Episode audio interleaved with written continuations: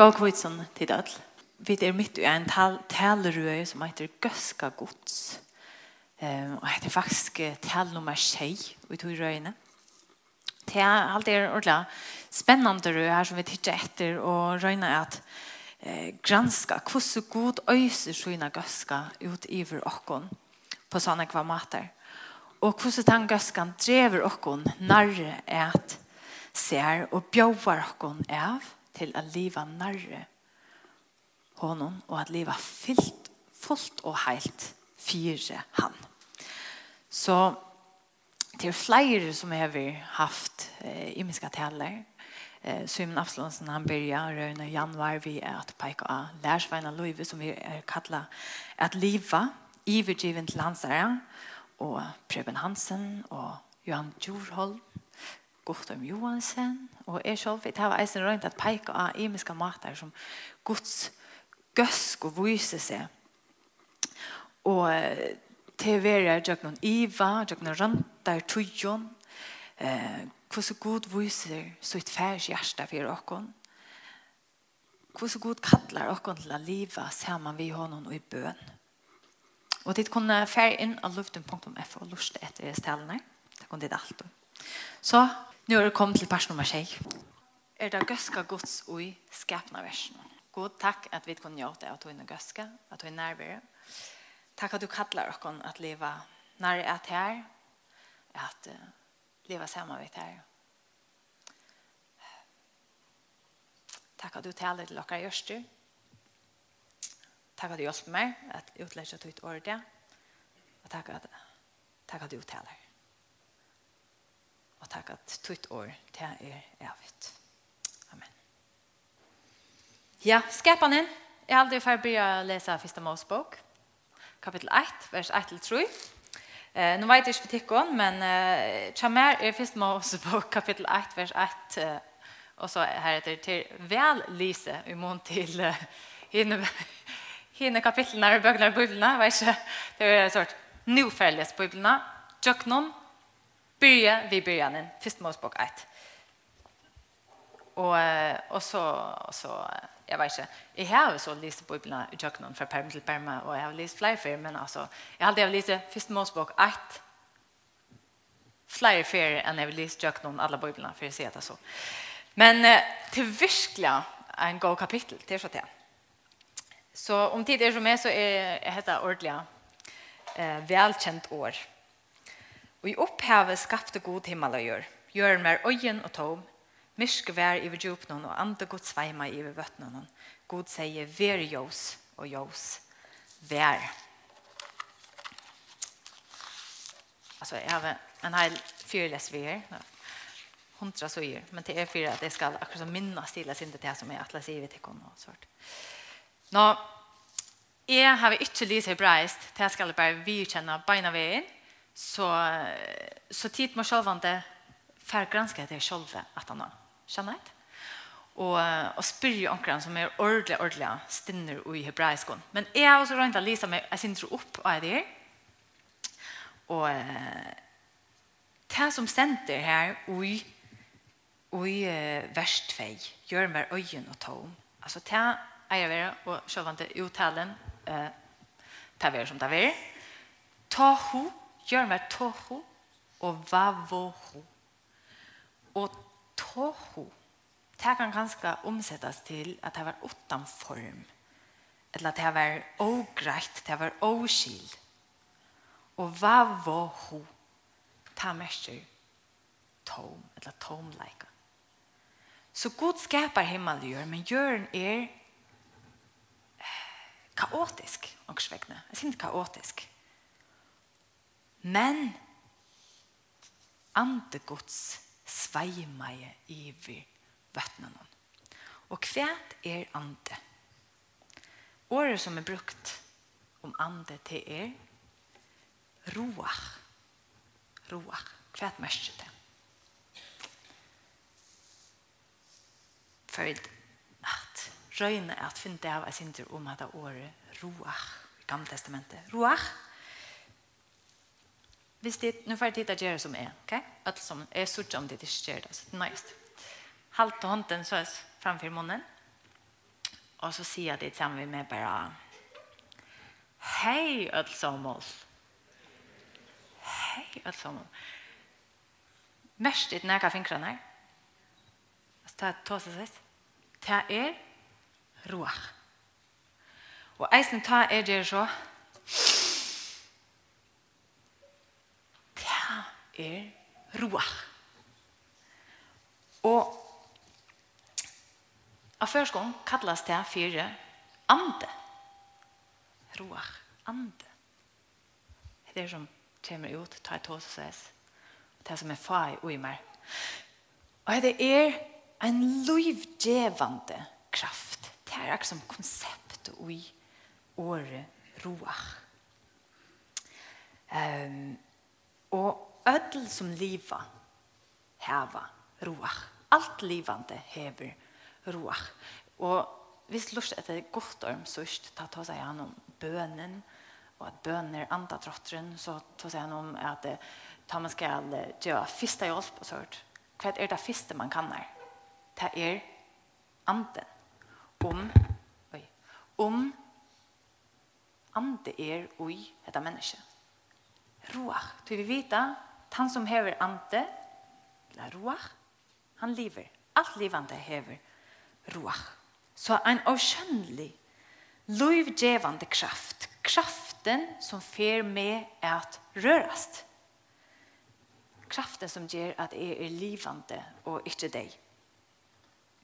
Og vi har akkurat sett en baby her oppe. Hva gjør baby? Ta det vi er født. Ta andar inn. Ta livgevande kraften, at han fyrste andadrotten. Og dødjande menneska andar for sørste fer ut. Gjever opp andan. Og hetta er altså det konseptet om roach. Det som er brukt om ande gods og i første målsbok her som sveimer i, iver vøttene. Så alt som livet hever roach og iser. Men eisene, det som ikke lever, det rører seg eisene. Så skudsjene av himmelen, det beveger seg eisene til ikke roach ui taimon. Men til beveger seg akkurat en avkjønnelig kraft fer til at røre seg. Og eisene avvirker til til som lever, stømmes et tre til livande. Men akkurat utanfra fer til at dansa. Hva er det til? Så vi henta matan a skilja eh, heimen på, så sier man, hette er det samme, hette er roach. Vi kallar det her fire. Og ikke på.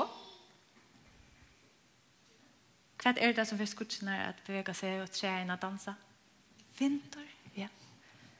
Så det som vi anda inn, det som vi anda ut, vinter som blæser og rører, det som Ikke hever lov i seg, og det som hever lov i seg, det er roach. Og sjølvante,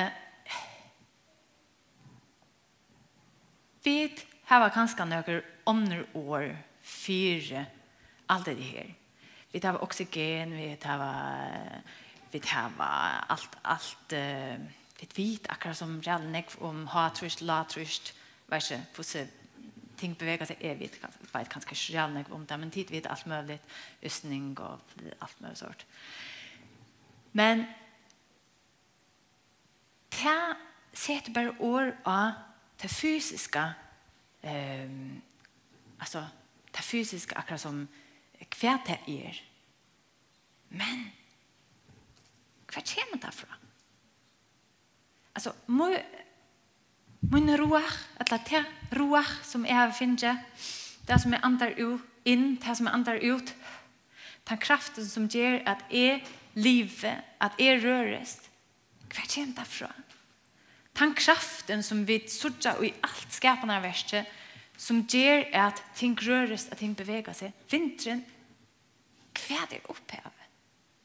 Og det er her som hentan her, heter året, som er brukt i en gammal, gammal kultur i myestre som kanskje vet alt er totalt utdateret. Det sier jeg om hver det kommer fra. Roach. Det kommer fra ande gods.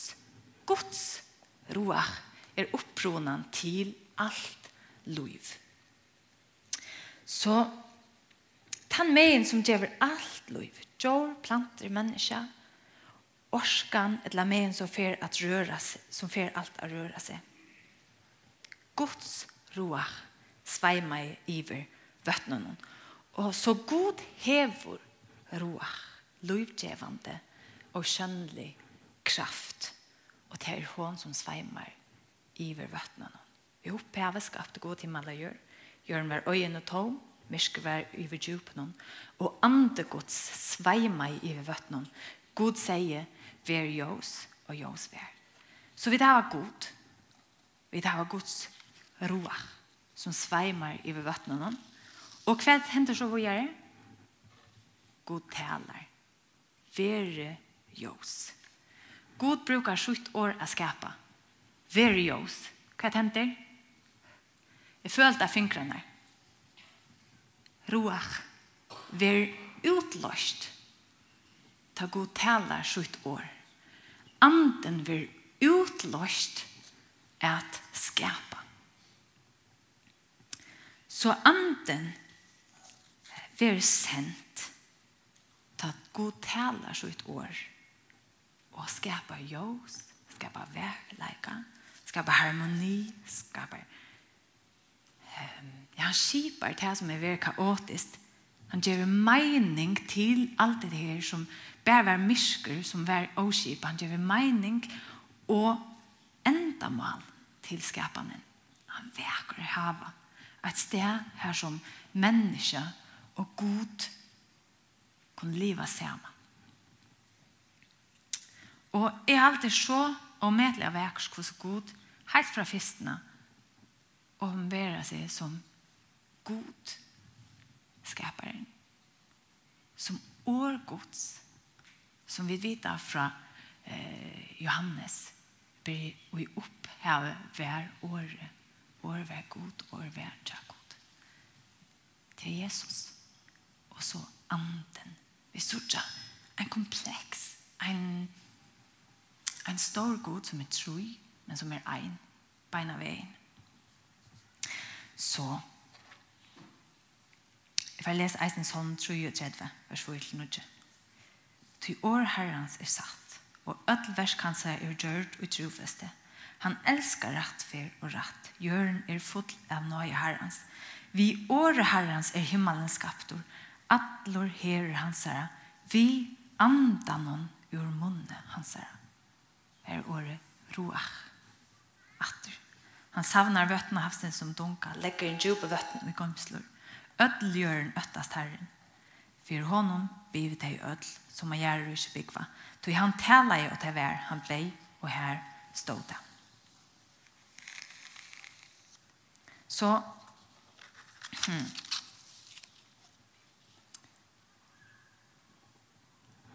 Ruach, den luftsanden, den anden som gjev liv till allt.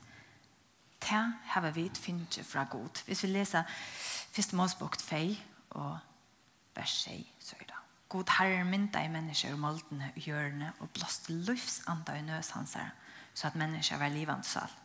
Og i Zakarias 12, 1 sender År herren som Israel, så sier herren som tante ut himmelen, grunnfest i hjørne, og virka i anda menneskans og brøst tess. Så alt liv, alt som hever roach, hever sitt opphav og i god, skapar himmels gjær. Ante, tankraften, kraften, Tan megen eller tan orskan som ger at alt fær liv. Han kommer fra god. Og i Salmor 104, 22-30, stender Tu fjæler andlite, ta fedler rasla av deg. Tu teker anda tarra, ta dodja deg og færa atru i doste. Tu sender anda tøyn ut, og te vera skapt. Og asjon så en gjerrinnar enn du når deg tjok.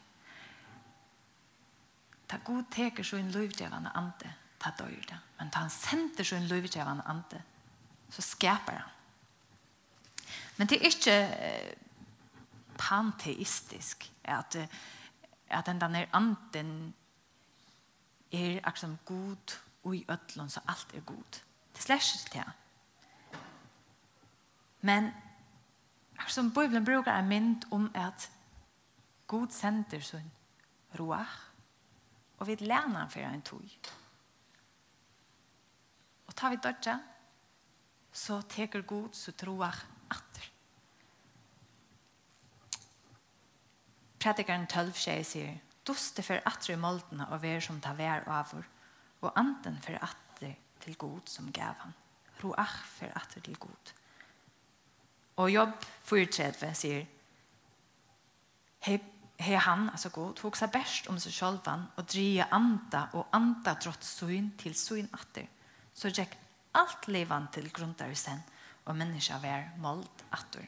her er är tåsan om den er en, at vi er en, en evig veran som akkurat kropp fer et sted, og så fer den er är eviga anden et annet sted. Nei, det er tåsan om luftsanden. At om god tar sin luftsande vekk, om han teker sitt roach vekk, så dør alt. Og så er det her, he, ja, så er antom min første andadrott. Hvis det er vi på tamminden, er antom min første andadrott. Er lærne livsanden fra god. Og er dodge, djeve min andadrott atter til god.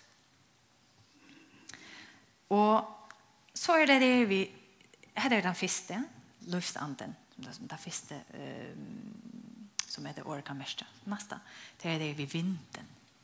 Vinteren den dessa krafterna som som bevegar ta i naturen att det som beveger ting rundt om akkurat og til eisene eisne sammenheng vi god sen til i salmer 135, 6 og 6, den tre herren gjør alt det han vil, og himmelen gjør, og i hevnen og ødlom veralda djupen. Han lette skudg stoja opp fra enda gjerrenar. Fjær snarljósna var regn. Senter roa ut ur gaimslundsøynon. Stormen ut ur gaimslundsøynon. God helter søgnen skapna versk oppe. Han ansar etter tog, han djever, han, han uh, syrger fyrir tog. Så hans forsøn er eisen det at han styrer naturkreftene, at han avvirskar det så at vi får regn, vi får grøye, vi får vøkser, vi får liv. Og så er det til at människor har eisen en roach, som ikke er livsanden, som ikke er det som avvirker eh, vind og eller skurt og trær og som blæser vinden.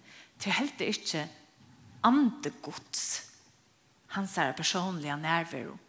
Men jeg har roach. Og i meg selv så hever så hever jeg en skjønnelig, løyvdjevande, skapande kraft. Det vi meg. Jeg kan huske noe. Jeg kan komme ved hosgåten, eller atlanon, jeg kan eh, og taverer. Det som er planer til taverer.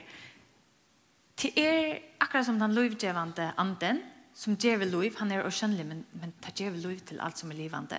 Det er som vinden som beveger ting, det er åkjennelig, men det er utrolig kraftig. Og jeg har det eisende i meg, at jeg kan huksa neka ut, to sørste ikke at jeg huksa om neka vant nå, og at jeg kan bliva til neka. Mot sinne, det for eisene brukt året roach. Så, hver vil er vi her som? Det er kanskje her vi der kommer nå. Hver vil er vi her som? Hva skal Guds skapende versen? Altså, det kan fevne så, så nekv. Men er atlet ikke etter andan som skapar. Hvordan god viser sånne gøske? Bjør dere at livet og i sina gøske? Vi og dere noen heilige anten så andans versk. Vi tar å se hvordan ande, eller det året som bruker for ande, roach, hva det er mest At det er ande, at det er vinden, og at det er ande som en person leverer sinne. Og hvordan alt det her er opphevet i gode. Guds ande gjør alt lov, skaper, skipar, helt oppe. Men hva gjør anden? Hva gjør anden? Anden skaper, som vi langt har seg om. Han skaper. For det neste. Anden gjør vår kraft. Han salver. Og i Bibelen så er Josef ta første døme om er her. Og jeg kan lese i første målsbok 41, 38 og 39. Det er at han har, Farao har haft en drøm, Og Josef, na ånden skiler hva denne drømmen handler om. Men Josef han skiler hva det er. Um, så i vers 38. Faro sier vi til henne og skjønner. Hver finner vi den mann som andre gods er og som og i hånden? Så sier Faro vi Josef. Ta er god hever å oppenbære at her alt dette, så er ønsken løyte, tog inn og vite og vi visdomme. Så Det är något annat än att Josef er livande. At han er finner roach så han lever. Det er noe annet enn at vinteren blæser av honom. Så att, vad är det? Att hår, att hår, visst han är pent hår. Att det bevägar sig. Det är något annat än det. Han har finner inlit och i näka som han inte har chanser att veta näka om. heter är vi för god. Så ande gods Gjevi Josef tankar, vitan, innlit, skil som ikkje kjemmer fra en sjolvon. Det kjemmer fra Guds roach, ande Guds. Og et annet døme det er Besalel.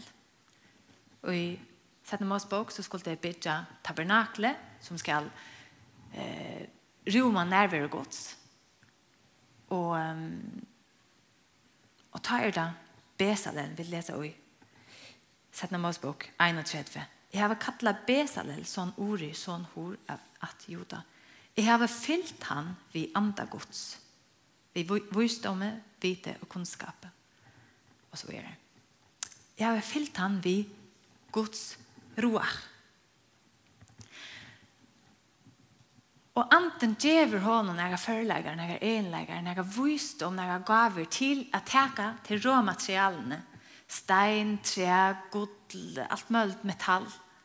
Til at skipa det. Til at gjør det til nega vekost. Nega som fer meining. Nega som innhelder Guds nærvero.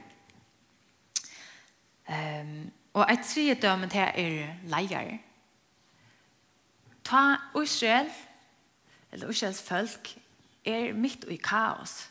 Ta ikke skil er også. Ta tilbe av god der, ta om, omgjør det fortsatt der. Så sender god sin roach som avvirker enstak folk som fær krefter at uh, berges mot fortjenten, de får ganske voisdom, de får skil, god sender så ut roach at virka av mennesker. Og så er det eisen her en mat som Bibelen forklarer det på at det er salvelse. Det her kjenner vi kanskje fra kongene. Um, det er akkurat som at hele anden vil vurst som vete. Noe som du kan hedle ut i iver eller som du kan være fyllt opp av, eller som du er en skal, eller et kær, eller et glas, så kan du fylles av hele andan. Og, og, og kongene, det ble så salva i, og i det det ble salva vi olje, det var helt at det er høyt, så er det eisende samband vi hvordan andre gods kommer av dem, og Til dømes 1. Samuels bok 16-13 så, så er det David som er salva til konger. Samuel tog ta oljehotten og salva han, medan brøver hans er stå rundt han. Og fra to ideer kom andre herrens iver David. Så, og en annan bølger som eisen opplever det er, det er profetene. De få andegods, Mika, han sier, at jeg er vi anda herrens fotler av kraft. Vi er Guds roer fotler av kraft. Ratt og styrst til å vittne for Jakob om misbrott hans her for Israel om sin hans her. Så Guds roer veler folk. Eh, Seta det til suyes at gjerne og gjerne dem om kraft, styrke og, og ivernaturlig visdom, egenleikere, ting som de ikke har i seg selv, men som bare god kan gjøre dem. Så er det det tredje, at anden ender skaper. Så anden skaper, det finnes det skapende. Og han, han eh, ut, hva sier han, han gjør kraft til noen bestemt folk.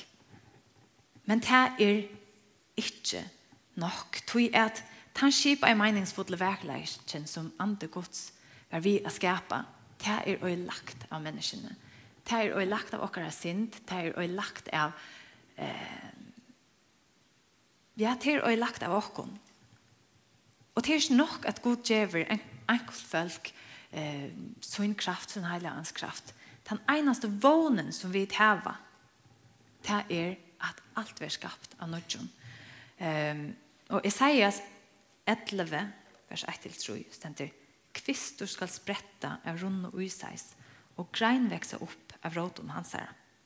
Og honom skal kvila ande herrens, ande vojstoms og vits, ande ras og styrke, ande kunnskaper og øtta herrens. Og alt det der det er roach, herrens roach, vojstom og vits roach, Rås og styrke roach. Kunnskaper og øtte herrens. Roach. Så alt visste kjente leieren til skal være avvirket av andre gods. Og den leieren skal leie mennesker inn og ut av norske skapningen. Og Esaias fortsetter, og han klarer ikke ordentlig at forklare og konkret at det er for en nordjan skap, skap eh, skapan, altså hvordan han nordjan skapan for å være, at det er så helt ørvis, så han må bruke poetiska metaforer, han sier til er som en ulver og et lamp som er sammen, det er som en leoparder og et geita lamp, det er som en bjøtten som etter græs, eh, det er som et brøstabaten som som spelar sig vid Holo Höckörmsens. Och till ens av vattnet fjäller havsbottnen så jag ska göra mer full av kunskap om Herren. Men människa kan inte leva i en sån skapan. Tog vi är dolka av synden. Vi vet hava. Fy färg vet inte att jag lägger att ena färg sätt. Vi må eisen bliva skapt av nudjon. Och Ezekiel han sier at andre gods skal gjøre deg og nytt hjerte. Skal teka bort steinhjerte, gjøre deg og kjøtt hjerte. Og, og i vers, nei, kapittel 23 i Ezekiel så så det er ordentlig, en ordentlig kjent mynd som handlar om at Ezekiel ser en deler som blir full av deg bein. Full av deg bein. Og så til kun lese den kapitlen, tog jeg at alt det som stender om vinter, om ante, som, altså post, og om ante, det er alt roa. Og jeg sikkert spiller på at det året har flere meninger, men å se, jeg sikkert profiterer i hans beinene, at roa godt skal komme ut deg. Og så fjerde de kjøt på seg, til standa opp, og han profeterar Guds ande skal fære ut här till blod livande. Og påskaparen är säkert er at vi er så deg som hans bein. til ånden chanser vi. Det har ånden chans. Det ene som kan få åkken livande atter, det er Guds ande. Og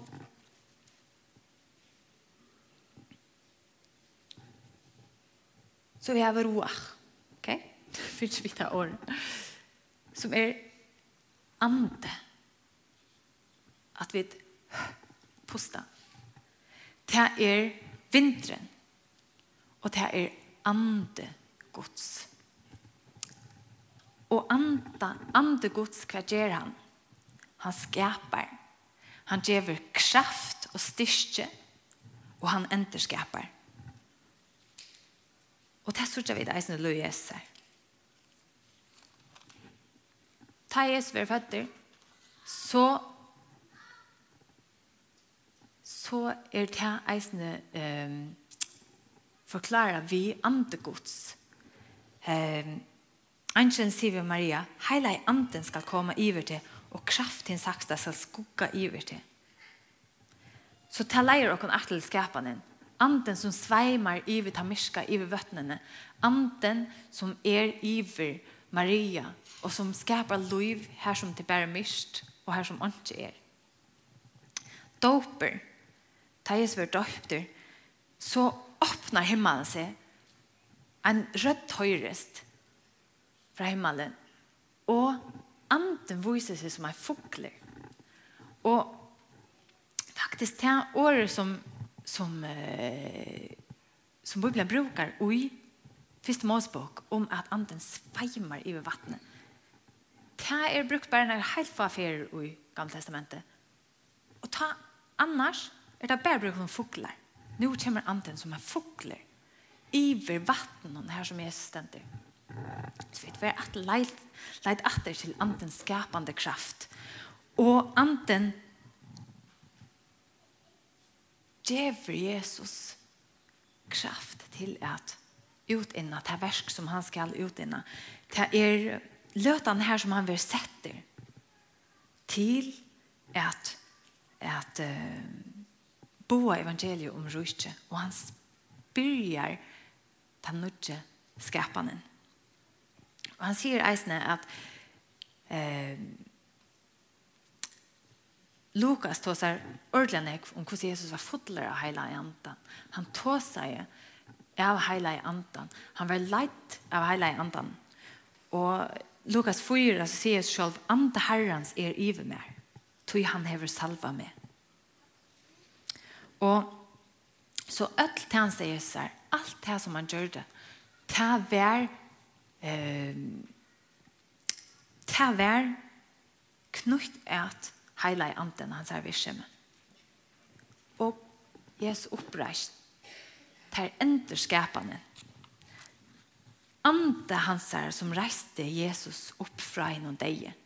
Anden skapet Jesus om att det ändå skapa Jesus. Han, han var ett människa att han reiste opp fra det deg, men det er helt annet.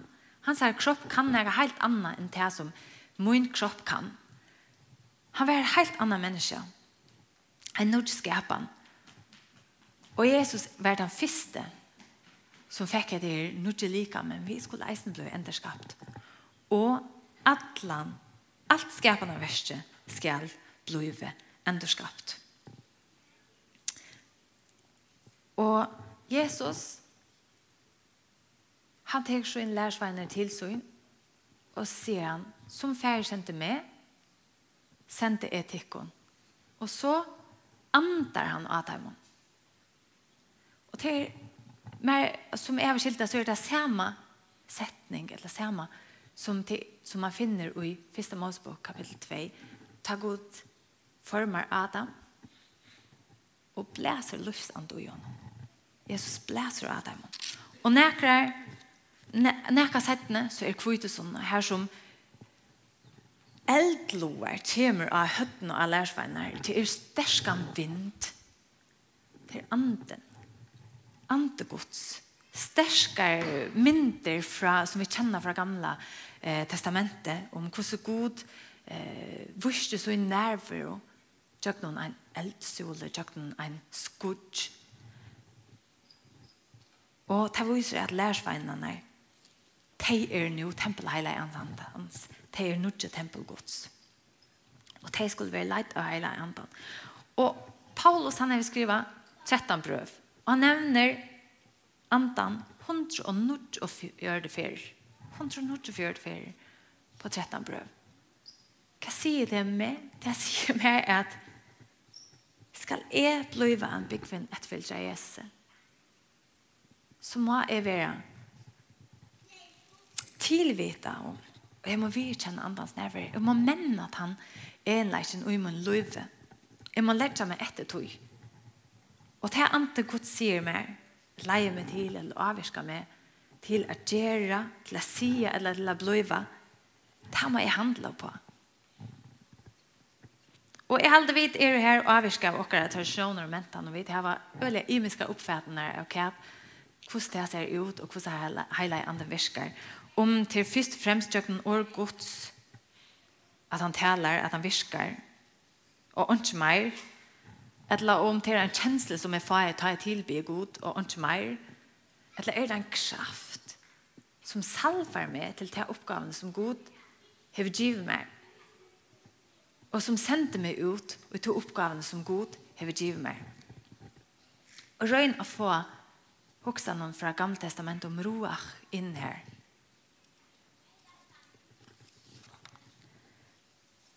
Så Guds roach avvirkar min roach. Akkurat som i Gamle Testamentet. At Gud avvirkar Josef til å skilja det som ikke kan skilja. Han avvirkar profetene til å sørge inn i framtøyene, det som ikke kan sørge. Han avvirkar David konger til at leia som en goer konger som han ikke er klar selv for. Såleis kan Gud avvirska min roach, min ante, Og ta til her som vil leva ui ta som god atla i okkon til ui ta nordje skapanen ta er ta ta vi leva ui nærvere gods og gods ande avvirskar okkon ta som vi er og ta som vi sier det som vi gjør, så som vi virker. gjever okkon med kraft på en ivernaturlig måte gjør dere hosgått og i blåster. Og i blåster, hva kommer det fra? Blåsa. Det kommer fra god. Og anden gjør dere særligt og i hendet tøyen som vi lever i. Det er at god han kattler av dere. Og tar vi et høyre med Jesus, så skiljer vi til det som vi tørver. Jesus, det er to som er av bruk videre. Og anden peikar alltid av Jesus. Anden er nærvare av Jesus og okra løyve, og han brøyter okkon og gjever andens avvøkst. At det er til Edens hava, den terminologien, at anden gjever løyv, det gjever vøkster. Ja. Anden som reiste Jesus fra deg mot deg, bor og i mer, Og min roer, min, mitt sinne, min vilje til som jeg kan hukse meg til, til å være våve sammen ved andre gods. Og til å vise så gjerne andens avvøkst.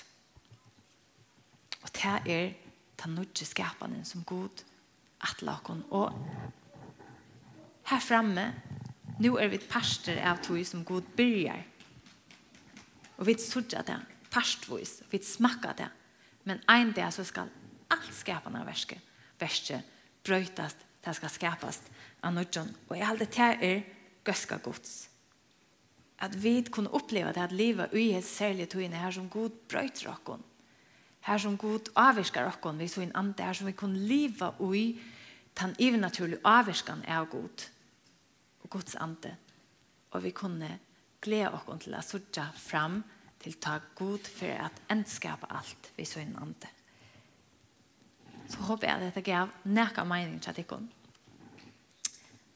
Eh, og jeg har alltid fantastisk også om at at kvitt sånne så gjør det god til som han atla han enda reiste godsfølg for alle tjåer, alle nasjoner samlet det sammen og gav til ham ante gods og videre ble en farse av tog förstärka nu. Skulle det være stärka längst igjen, Så gör Og Och ja. God takk for at at du ger och kon ante. At vi har twin tvitt liv og i okkon. Og at du kan tale til okkon, avvirke okkon, leie okkon. og at vi kan leva og i det naturliga samarbetet Jesus. Tær til dörd og mennesker til frelse.